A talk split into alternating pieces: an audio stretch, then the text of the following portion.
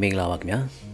ဘန်ကောက်မြို့ဂုံတိုင်းမှာတနက်ပစ်ခတ်ခံရတဲ့မြန်မာအလုပ်သမားရဲ့စာပနာအစ္စရေးပါလက်စတိုင်းစစ်ပွဲရဲ့အရေးမြန်မာအရေးကိုလွှမ်းမိုးလာအောင်မလားအမည်ရတဲ့မြန်မာຫນွေဦးခရိုနီကယ်အောက်တိုဘာ၈ရက်မြင်တွင်မိုးမခအဆောင်မကိုစတင်ဖတ်ကြားပေးပါတော့မယ်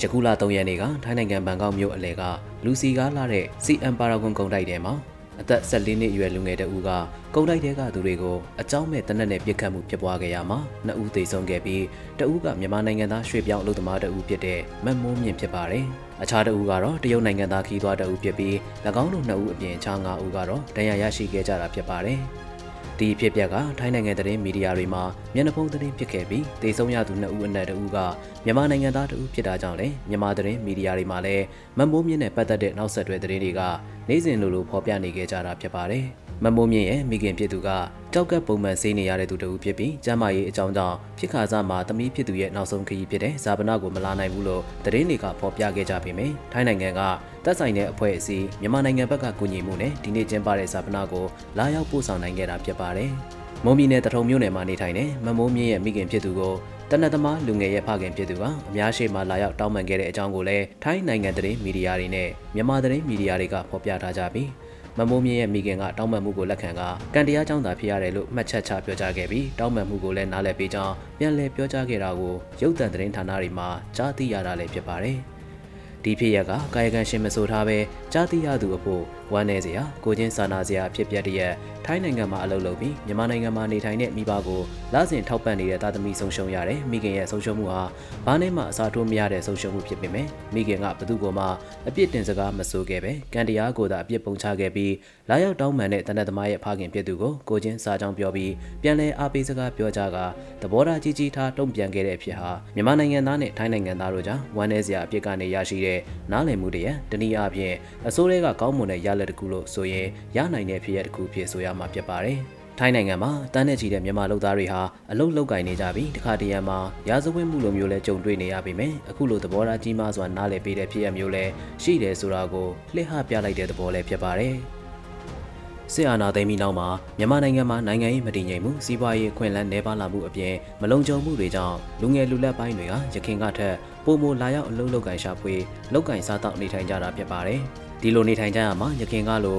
မြန်မာလူသမားတွေရဲ့အခွင့်အရေးလောက်ကင်ခွင့်လန်းတွေတရားဝင်နေထိုင်လောက်ကင်တာဖြစ်စေဖို့မြန်မာအစိုးရနဲ့ထိုင်းအစိုးရတို့ကြားပူးပေါင်းဆောင်ရွက်မှုတွေညှော်နေလာပြီးလက်ရှိစစ်ကောင်စီအစိုးရဟာလက်နက်ကင်ခုခံမှုတွေကိုချိန်မုံဖို့သာစိတ်ဆောနေတာဖြစ်လို့လူသမားရေးကိစ္စတွေကိုတိုးတက်အောင်လှုပ်ဆောင်ပေးတာမတွေ့ရတာလည်းဖြစ်ပါတယ်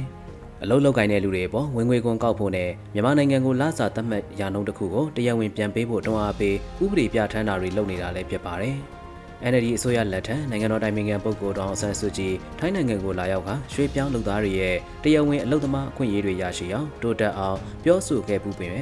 အခုလိုစစ်တပ်ကအာဏာသိမ်းပြီးနောက်မှာတော့ရွှေပြောင်းလူသမားတွေရဲ့ဝင်ငွေအချို့မိသားစုစီပြန်ပို့ဖို့သာတိုက်တွန်းနေခဲ့တာဖြစ်ပါတယ်။ ဒီနေ့ပေါ်နောက်အကြောင်းအရာတရက်ကတော့ယမန်နေ့အာယုံတက်ချိန်မှာပါလက်စတိုင်းလက်နက်ကိုင်ဟာမတ်စ်အဖွဲ့ကအစ္စရေးနိုင်ငံကမြို့အချို့ကိုဒုံးကျည်အရေးအတွက်ထောင်နဲ့ချီပစ်လွတ်တိုက်ခိုက်ခဲ့တယ်လို့မြေပြင်ကလည်းတိုက်ခိုက်ရေးအဖွဲ့တွေအစ္စရေးနယ်မြေထဲဝင်ရောက်ကတိုက်ခိုက်နေကြတာဖြစ်ပါတယ်။ဆယ်စုနှစ်များစွာအတွင်းစစ်ပွဲအသွင်နဲ့တိုက်ခိုက်မှုဖြစ်ပြီးတရက်တာတွင်အစ္စရေးဘက်ကရောပါလက်စတိုင်းဘက်ကပါလူရာချီသေဆုံးခဲ့ပြီးထောင်နဲ့ချီဒဏ်ရာရခဲ့တာဖြစ်ပါတယ်။ဒီဖြစ်ရဟာမတိမငြိမ်ဖြစ်မှုတစ်ခုထပ်ပိုပြီးပါလက်စတိုင်းတွေနဲ့အစ္စရေးကြားစစ်ဖြစ်ပွားတဲ့အဆင့်မျိုးလို့ဆိုနိုင်ပါတယ်။ အခုပါလက်စတိုင်းအစ္စရေးစစ်ပွဲဟာယူကရိန်းရုရှားစစ်ပွဲပြီးနောက်နိုင်ငံတကာရဲ့အာရုံစိုက်မှုကိုရယူသွားမယ့်အနေအထားလို့လည်းဆိုနိုင်ပါတယ်။ မြန်မာနိုင်ငံရဲ့စစ်အာဏာသိမ်းပြီးနောက်ပေါ်ထွက်လာတဲ့ဆန္ဒပြမှုတွေလက်နက်ကင်ခုခံတွန်းလှန်တိုက်ခိုက်မှုတွေနဲ့မြန်မာပြည်ထနာအရေးပေါ်နိုင်ငံတကာရဲ့အာရုံစိုက်မှုဟာယူကရိန်းစစ်ပွဲပြတ်ပွားပြီးနောက်ရော့ကျတော့တာတွေ့ရပြီးခုတစ်ဖန်ယူကရိန်းစစ်ပွဲကဲ့သို့နိုင်ငံတကာရဲ့အာရုံစိုက်မှုကိုတင်ကြုံဆွဲယူနိုင်တဲ့ပြည်ပခါတကူဖြစ်ပွားလာတာကြောင့်